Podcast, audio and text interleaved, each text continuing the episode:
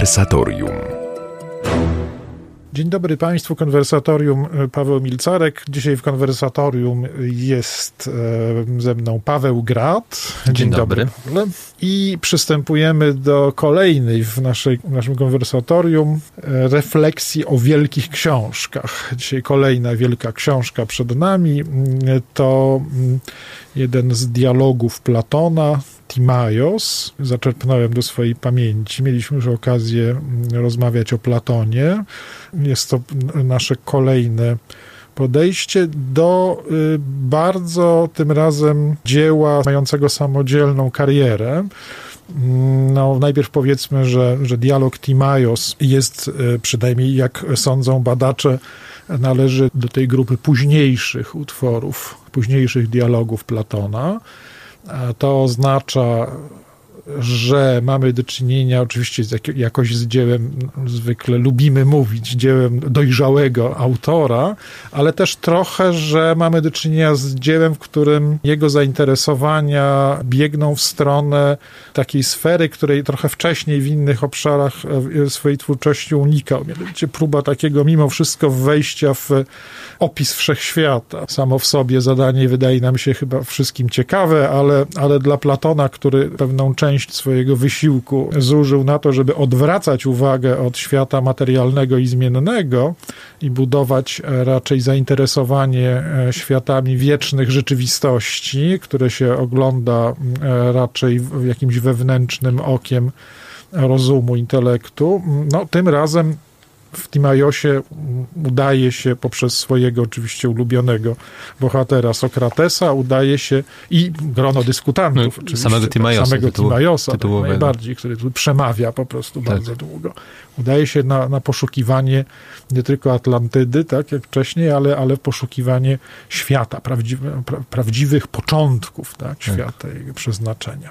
Ja tylko ci wydaje ci słowo, że to prawda, że ten dialog... Yy nie dotyczy kwestii, które kojarzymy być może jako takie ulubione tematy Platona. Zresztą to jest zabawne, bo on przez, przez to, że on dosyć długo był yy, właściwie jedynym, też nie w całości, dialogiem znanym yy, łacińskiemu zachodowi, chyba aż do, aż do XII wieku, to było zabawne. Znaczy, można powiedzieć, że długo dla tego łacińskiego zachodu Platon funkcjonował głównie jako kto chce zajmować się kosmosem, jego porządkiem y, i naturą, tak, przyrodą, a nie, a nie ideami. Chociaż, i tu chciałem właśnie dodać, że to jest też ciekawe, że to prawda, co powiedzieliśmy, ale z drugiej strony zauważmy, że na początku zaraz dowiadujemy się, że jakby ten dialog ma, w sensie akcja dialogu ma miejsce po dialogu, czy jakby, jakby zakłada ona znajomość państwa, i dowiadujemy się, że cały ten, cały ten wywód o kosmosie, co się wydaje dziwne może na początku, ma służyć temu, że pokazać nam, jak to państwo opisane w państwie, tak, właśnie jako pewien, no, pewien, pewien bit idealny, jak ono wygląda w ruchu, tak, w rzeczywistości. I cały ten opis, można powiedzieć, kosmosu, którego państwo jest takim, y, no, jakby jest, jest częścią, a zarazem odzwierciedla ten porządek kosmiczny, jest jakby tutaj takim dopełnieniem, więc to jakby powiedziałbym, że to jest rzeczywiście te rozważania, te rozważania kosmologiczne może nie należą do ulubionych e, rozważań Platona, ale wydaje się, że dla niego przynajmniej to były kwestie pozostające w ścisłym związku z czymś, co jednak już znamy jako taki klasyczny wątek platoński, tak, czyli filozofię jego państwa. No, dotykamy tu w ogóle tego szerszego zjawiska różnych lektur Platona, e, zwykle warunkowanych tym, który z utworów albo która z grup e, utworów bardziej e, wpływa na tego, który akurat Platona interpretuje. E, wspomniałeś o tej e, historii obecności Platona właściwie w, w Europie, jeśli mówimy o Europie jako o Zachodzie przede wszystkim i o świecie języka łacińskiego. Rzeczywiście przekład Halcydiusza, istniał jeszcze cyceroński przekład, ale, mhm. ale akurat przekład Halcydiusza i cała jego jakby to być otoczka neoplatońska, to jest to źródło, e, z którego Platona średniowiecze czyta, aż do momentu, w którym zacznie czytać na przykład Menona, prawda, i też z kolei się zacznie fascynować innymi problemami reminiscencji, jakieś inne zagadnienia. Natomiast tutaj mamy Platona kosmologa, tak można by było powiedzieć. Przypomniałeś ten, nazwijmy to zresztą zaskakujący kontekst polityczny tego, tego wytworzenia się tego dialogu, bo trochę tak też badacze, którzy tutaj różnie fantazjują, ale, ale wyobrażają sobie, że z jednej strony jest to dialog, który w kompozycji platońskich tekstów rzeczywiście idzie jakby po państwie, bo zresztą mamy bardzo tak. mocne na początku nawiązania, że ta rozmowa była odbyta, że dialog już na ten temat państwa miał miejsce i że kontynuacją jakby tym, co poszło po tej części kosmologicznej, którą stanowi Timaios, były z kolei prawa. Czyli już taki rzeczywiście doprowadzony do rozmaitych konkretów projekt państwa. Żeby do tego projektu uszczegółowionego dojść, jak się okazuje, potrzeba zrozumieć samo zagadnienie ruchu wewnątrz, wewnątrz świata i stąd przechodzimy przez ten, przez ten skądinąd pasjonujący, ciekawy, ogromnie, także myślę, że przez wieki budujący wyobraźnię, również pewną tak, kosmologiczną tak, tak. tekst. Z tej racji, można powiedzieć, istnieje już 10 powodów, żebyśmy e, akurat do, mm, z tej bogatej kolekcji platońskiej wybrali akurat, akurat ten, e, ten tekst. To pewnie o tym już dalej nie będziemy mówili, ale warto wspomnieć, że, że to właśnie w tym dialogu Stąd moja też w pewnym momencie aluzja. W tym dialogu Platona pojawia się opowieść o Atlantydzie na, na samym początku, ona potem nie odgrywa już jakiejś istotnej roli, niemniej mm, jakiś opis takiego niezwykłego e, państwa, które zostało przez Ateny e, skutecznie pokonane, na, na, następnie w ogóle znikło wskutek jednej z wielkich e, opisywanych na początku katastrof tak, ludzkości. Tyle naszego wstępu, a za chwilę zwyczajem naszym, kto co tutaj znalazł. Wracamy do naszej, jakby to powiedzieć, lektury, albo raczej refleksji wokół Timajosa Platona. Chciałem Cię zapytać, pytam Pawła Grada, co Ty w swojej odświeżonej lekturze Timajosa znalazłeś e, ciekawego? Dla mnie bardzo interesujące i tym razem, ale też pamiętam, że w ogóle jak pierwszy raz sięgałem po ten tekst, było to, że on, ten tekst Timajos rzuca trochę, myślę, inne światło na takie mm, nasze, może wyniesione ze szkoły, może zasłyszane, bo to o tym się czasami mówi, wyobrażenie na temat tego, w jaki sposób wyobrażano sobie porządek tak, wszechświata i miejsce człowieka w tym wszechświecie przed tą wielką rewolucją y, naukową y, nowożytności, a potem nowoczesności, tak, generalnie przewrotem kopernikańskim i powstaniem nowoczesnej fizyki. No bo z pewnego punktu widzenia ta opowieść, którą tutaj nam Timaios y, snuje, tak, opowieść o koncentrycznie zbudowanym systemie kul, który się obraca, nie ma uszu ani oczu, w środku którego znajduje się Ziemia, y, który sam posiada duszę, jest y, stworzony przez dobrego Boga na, na obraz, y, znaczy na, według wiecznego wzorca. Właściwie człowiek współczesny nie bardzo odróżnia to od jakichś baśniowych, tak po prostu opowieści. Czyli na, na, wielu, na wielu poziomach jest to nieprawda, jeśli chcemy czytać to jako y, opis ówczesnej wiem, fizyki, czy czegoś, co, co, co, co pełniło wówczas pewnej wiedzy o, o świecie, tak? I często tutaj jest właśnie ten element, który moim zdaniem należałoby spojrzeć inaczej w tym, tym naszym patrzeniu na te wyobrażenia greckie, czy tutaj nam Platon przedstawia.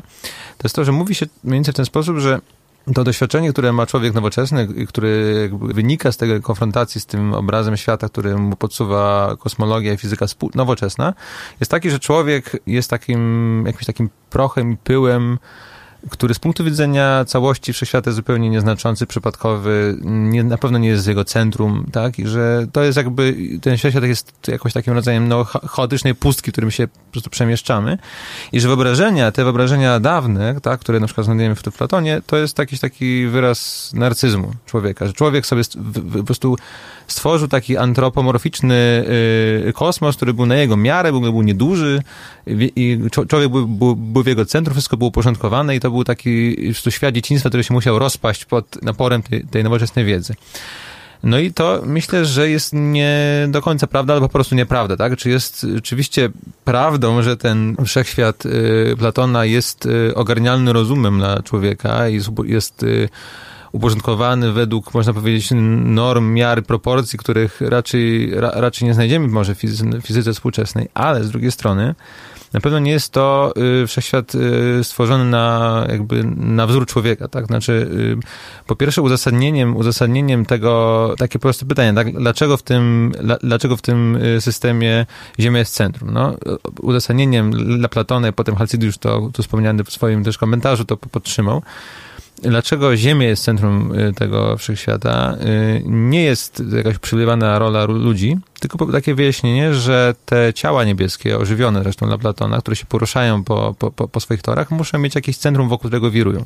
Tak? I tak się składa, że my jesteśmy w tym, znajdujemy się w tym centrum, ale jakby to nie nasza obecność jest, jest jego uzasadnieniem. Tak? Poza tym, to też y, Louis w swojej bardzo ciekawej książce Odrzucony obraz, tutaj możemy śmiało polecić do wspomnieć lektury, zauważa, że i to wynika i z z tego, jak, jak Platon opisuje tym logów wszechświat, ale też w ogóle jest to pewna stała w tych, w tych, w tych kosmologiach antycznych, ten wszechświat wcale nie jest mały. Tak? To znaczy te odległości i rozmiar tego, co człowieka otacza jest, y, no, dla nich również było przytłaczające. Tak? To jakby jest tam wyraźnie poczucie, że ten kosmos jakkolwiek uporządkowany jest czymś, co pod wieloma względami przekracza, tak, jakby człowieka jest, jest, jest, jest jego domem, który on zamieszkuje, ale to nie jest tak, że to jest y, taki, taki zupełnie przytulny, można powiedzieć, y, mm, domek, tak. No i myślę, że to jest jakoś, jakoś ciekawe, jakby no, trochę z, pozwala nam spojrzeć na naszych y, przodków, tak, czy założycieli naszej kultury, w której żyjemy, nie, nie na jako, jakoś na innych ludzi, którzy po prostu opowiadali sobie bajeczki o o świecie, w którym chcieliby żyć, tylko rzeczywiście jak, jak, jakoś ta nam też znana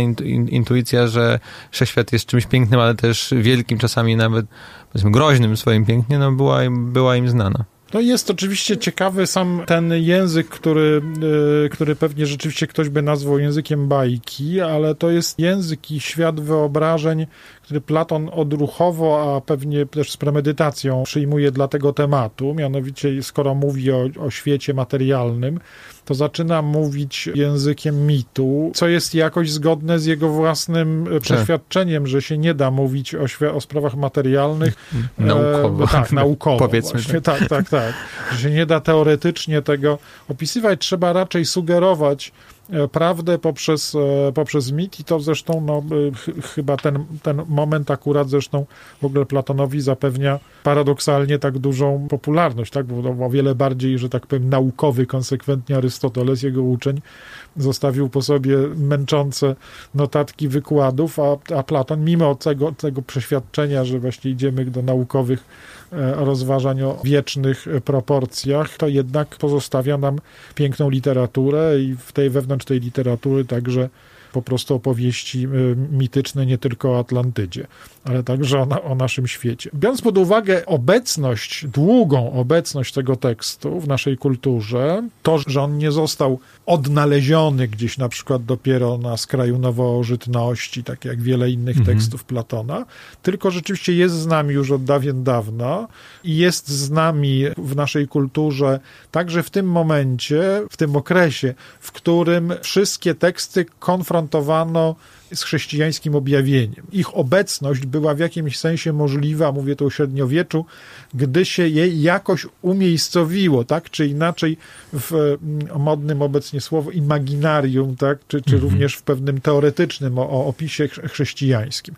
I jak czyta się to dzisiaj, Timajosa, mm, to oczywiście nie jest zaskoczeniem, że dla e, teologów średniowiecznych dużą pokusą, pokusą spełnioną po części, było harmonizowanie tego, e, tego wykładu platońskiego z e, opisem stworzenia świata, zwłaszcza w, w Księdze Rodzaju, ale także z innymi elementami tej biblijnej koncepcji powstawania tak, świata. Jakieś rzeczy dawały się przepisać, pod warunkiem, że nie traktowało się tych dwóch źródeł jako równo, że tak powiem, ważnych, tylko raczej Platona jako zasób, taki pogański zasób tak. treści, który, z którego można było wydobywać. Chociaż czasami było to trudne, bo nawet tutaj w tym dziale jest przecież ten pomysł z metempsychozą, tak, i wędrówką tak, dusz. Niestety, to już no i, ta, i, no, no, no, i ten pomysł też taki dzisiaj dosyć kontrowersyjny, chociaż myślę, że nawet dla chrześcijańskiej myśli trudny do przyjęcia o tym, że dusze upadłych mężczyzn odradzają się jako kobiety, a jeśli to im nie pomoże, to jako zwierzęta. Co zdaje się, że chyba Halcydius tak to komentował, że to jest po prostu literalnie jest to nieprawda, tylko jest to pewna metafora, która ma nam powiedzieć, że jeśli człowiek się nie poprawia, to kończy jako zwierzę. Szkoda tego, że etapem przejściowym jest bycie kobietą. Tak? No właśnie.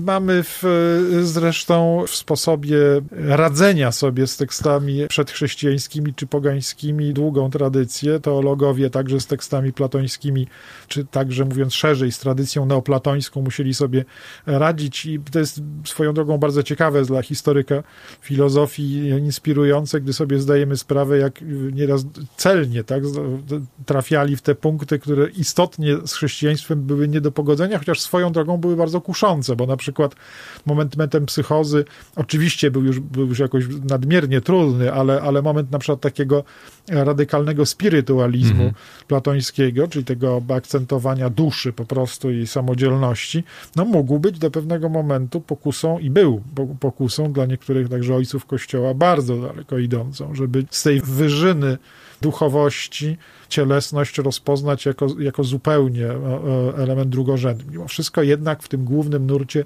teologii uprawianej ostatecznie przez neoplatoników, bo ojcowie Kościoła mhm. nimi byli w większości, nikt się na to nie, nie zdecydował. No cóż, tak jest tą chrześcijańską lekturą Platona, o której tutaj również wspominamy. Kontekst polityczny, o którym była mowa też na, na początku, czyli to, co jest w twórczości Platona ważniejsze. Czy ważniejsze jest e, korzystanie z możliwości politycznych, aby dochodzić do e, aby mędrcy mogli dochodzić do rozpoznania rzeczywistości wiecznych, czy może wręcz odwrotnie. To, że rozpoznawanie i modelowanie na przykład w takim micie pewnego obrazu wszechświata jest po prostu sposobem uzupełniania e, takiej pewnej ideologii potrzebnej państwu, potrzebnej państwu i że te, że te fascynacje tak naprawdę u Platona są bardziej polityczne niż, niż teoretyczne, to wiemy, że to jest przedmiotem i bywało przedmiotem e, niejednego sporu, zwłaszcza od czasu odkrycia i lektury listów Platona, listu siódmego, mhm. z tam, sugestią otwartą, że, że Platona bardziej zawsze interesowała reforma polityczna, to, to była rzecz, do którego dążył. Gdy się czyta, że, że całe rozważanie o, o świecie jest tak naprawdę pędą, jest jakimś fragmencikiem do, dolepionym do, do,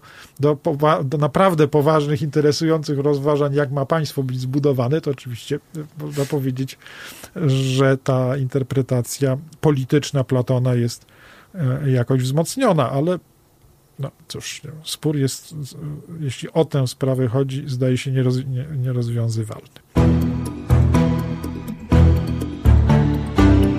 Wracamy do naszej rozmowy o Timajosie Platona, jednym z dialogów późnych tego autora o wyraźnie kosmologicznej e, problematyce. Przed przerwą w drugiej części naszej rozmowy Paweł Grad e, mówił o specyficznej naturze całego tego, tego, tego opisu powstawania świata.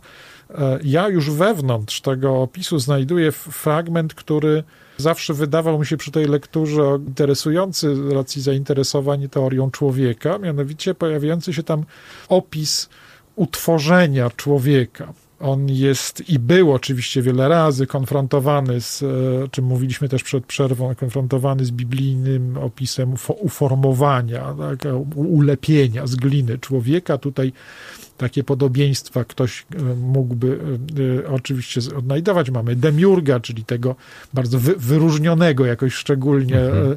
Boga, bo pewnie też warto zaznaczyć, że Oczywiście dla autorów, do których Platon należy, do tej epoki, e, pojęcie Boga zupełnie inaczej jeszcze jest przyjmowane niż w, na przykład w wyobraźni, e, która kształtowana została przez chrześcijaństwo. Bóg nie, nie zawsze jest kimś, kto stoi dosłownie najwyżej, od którego wszystko się mhm. zaczyna. Czasami mamy pośrednich, najróżniejszych bogów, tak? I tutaj również mamy taką sytuację, w której jest ten twórca świata, czyli ktoś specyficznie z jednej strony naturze boskiej, z drugiej strony no jednak takiej, że angażuje się w to, żeby coś robić z materią, tak, ją jakoś przetwarzać. Z drugiej strony w, w czasie swojego działania wytwarza też tych pomniejszych bogów, mhm. tak, i ostatecznie wytwarzanie człowieka jest w znacznym stopniu pozostawione tym, Synom. tym, tym, tak, tym takim pośrednim bogom, tak. którzy Ewentualnie wyobraźnia chrześcijańska by to pewnie zinterpretowała jako jakiś współudział aniołów, jakiejś inteligencji pośrednich między Bogiem i człowiekiem. Ale to już zostawmy chrześcijańskim interpretatorom Platona.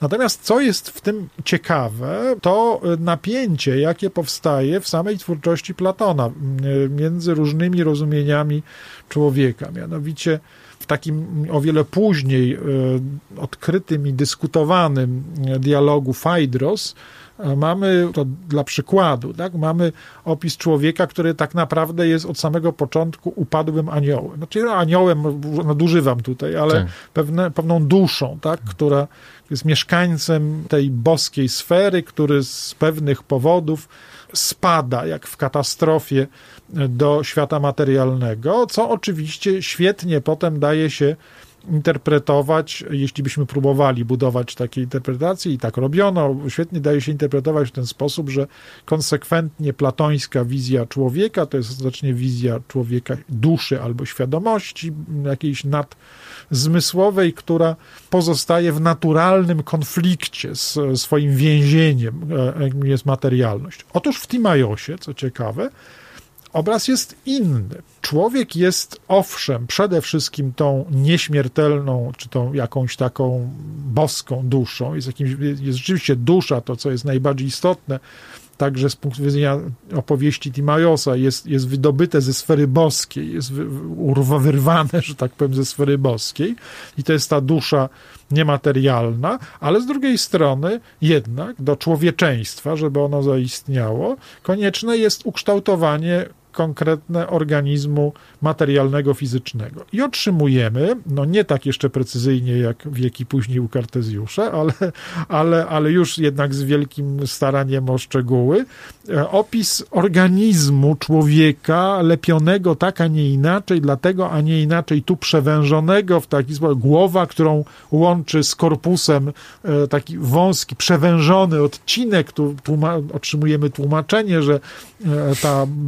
boska dusza niematerialna bardziej sytuuje się gdzieś właśnie w głowie, byśmy powiedzieli, gdzieś w okolicach mózgu, ponieważ jest niematerialna, nie bardzo chce wchodzić, mieszać się, wchodzić w ścisłe relacje z tym, co najbardziej materialnie, jakby to powiedzieć, pozwólmy sobie na, na, na fantazję, co, co, co obrzydliwie materialne. W związku z tym oddziela się, jest, jest u samej góry i oddziela się od tej reszty korpusu. Natomiast w samym korpusie mamy z kolei umiejętności umiejscowione w okolicy serca duszę, byśmy powiedzieli, mężną, tą odważną i w końcu w różnych tajemniczych miejscach, e, ale zawsze gdzieś tam w, w okolicach czy to żołądka, czy jelit, czy tam jeszcze innych różnych e, e, miejsc, gdzieś w brzuchu w każdym razie, albo, albo u, u podnóża brzucha mamy, mamy duszę, mamy tę duszę najbardziej materialną, najbardziej powiązaną z funkcjonowaniem fizjologicznym, mianowicie to byśmy pewnie nazwali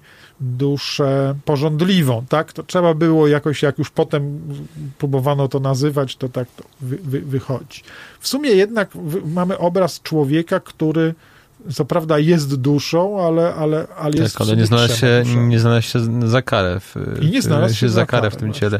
To zresztą jest ciekawe, że do zaistnienia tych natur stworzonych jakoś potrzebne jest, znaczy, no, że one nie są wyłącznie jakimiś jakimiś ideami albo czystymi duchami, które spadają za, za karę w ciało, to dotyczy nie tylko ludzi, ale również, y, czy po pierwsze samego kosmosu, to też, czy świata, który jest, też ma duszę, czy też jest istotą ożywioną, ale również właściwie no chyba wszystkich, albo prawie wszystkich bogów poza tym Demiurgiem, to znaczy mm, tych istot, które chyba sam Platon już tak się wydaje, nie tylko w porządku mitu, ale sam rzeczywiście uznawał za prawdziwych bogów, znaczy nie bogów panteonu greckiego, mhm. tylko ciała niebieskie, tak, które też są istotami boskimi, wyniesionymi ponad tą naturę podksiężycową, doskonałymi, nieśmiertelnymi, ale właśnie przecież też cielesnymi, tak? Znaczy planety jednak, ciała niebieskie mają, mają swoje ciała.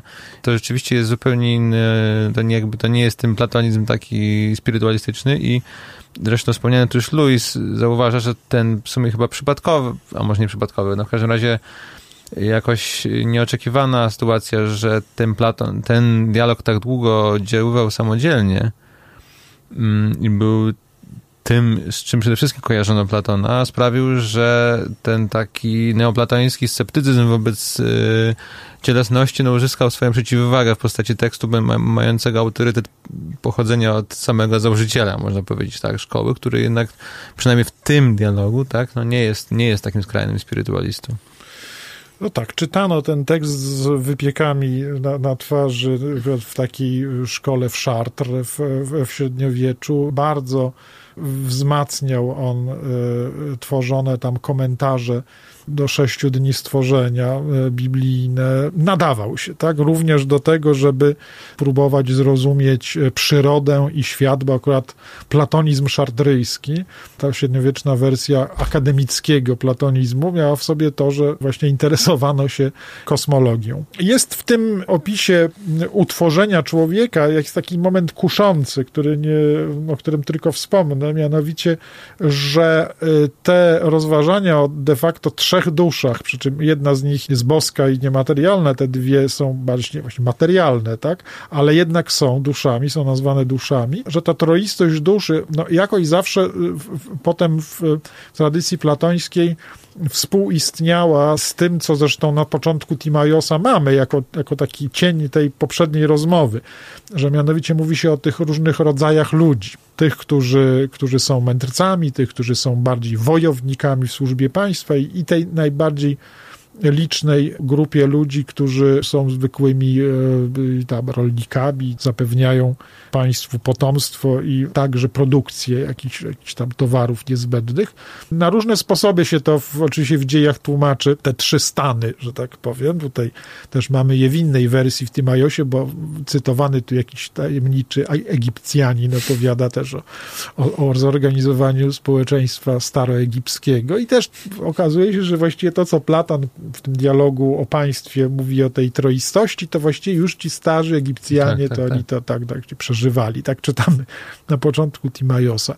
Otóż oczywiście, jak mówię, jest pewna pokusa, żeby próbować przerzucić tutaj pomost i powiedzieć, no skąd się to bierze, że jedni są tacy przydzieleni do takiej selekcji, a prowadzi ich do takiego stanu, to do, inna, do, do innego być może wpływ czy też dominacja której, któregoś z tych elementów e, duchowych ma, ma tutaj swoje znaczenie. Ale to jest, to już jest na zasadzie rysowania kresek na tablicy między różnymi zagadnieniami. Tak jak to zwykle jest w naszych rozmowach o książkach wielkich w pewnym momencie i one się kończą, mimo że że lektura właściwie dopiero mogłaby się powoli, do, powoli zacząć, tak? Zachęcamy Państwa jak zwykle, tym razem do do Timajosa, może fragment o Atlantydzie za, za, zachęci na samym początku do, do pójścia również dalej, bo z tych rzeczy, których, o których tu nie mówiliśmy, oczywiście niesłychanie pasjonujące są jeszcze wszystkie te rozważania, w których Platon próbuje swoje pasje matematyczne tak. wiązać z rozumieniem kosmosu,